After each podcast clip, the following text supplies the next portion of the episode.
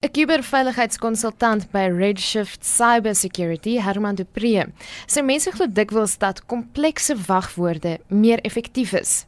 Dit is nie die geval nie. Die woord hallo en die uh, letters X352 is vir rekenaar net so moeilik om te verstaan.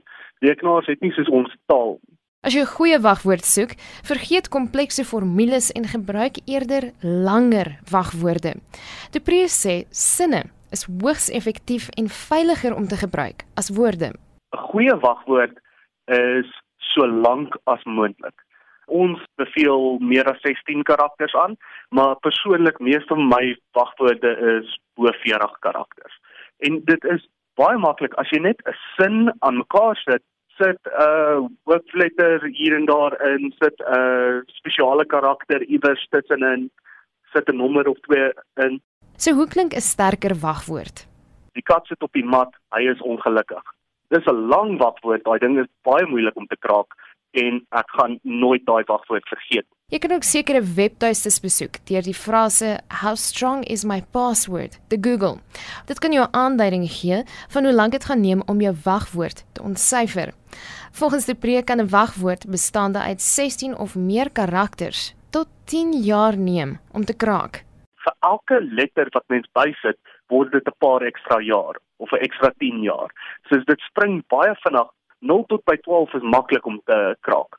Van 12 tot by 15 verander die hoeveelheid tyd wat ek nodig het dit met 5 of 6 jaar. Sê ons verskeie maniere om wagwoorde te kraak. Dalk het ek jou e-mailadres, dan het ek 'n lys van populêre passwords of 'n lys van net woorde en ek stel 'n stelsel op wat net wagwoorde aanhou probeer.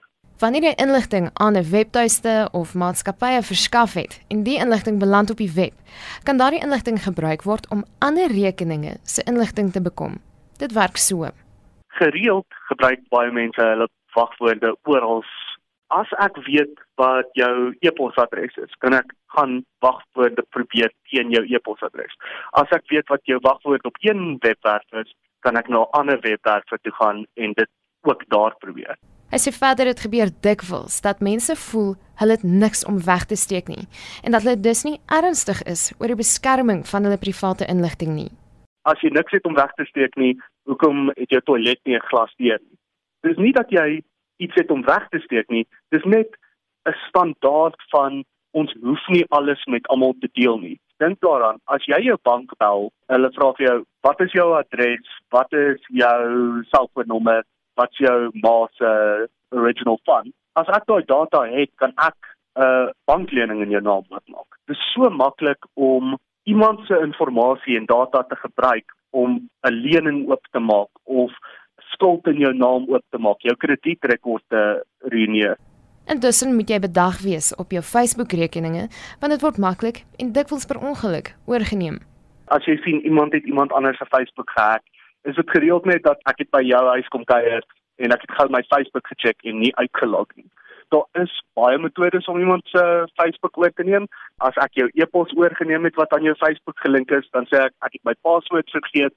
Wag vir die e-pos van Facebook af en dan kan ek jou Facebook oorneem en 'n nuwe paswoord vir instel. So daar is baie metodes, maar daar is ook metodes om hierdie te stop. Dit was 'n kuberveiligheidskonsultant by Redshift Cybersecurity, Herman Dupree. Hy sê jy kan 'n e-pos aan Facebook stuur as jou rekening gekaap is. Hulle reageer glo effektief hierop en die proses is eenvoudig. Ek is Marlene Forsie vir SAK nuus.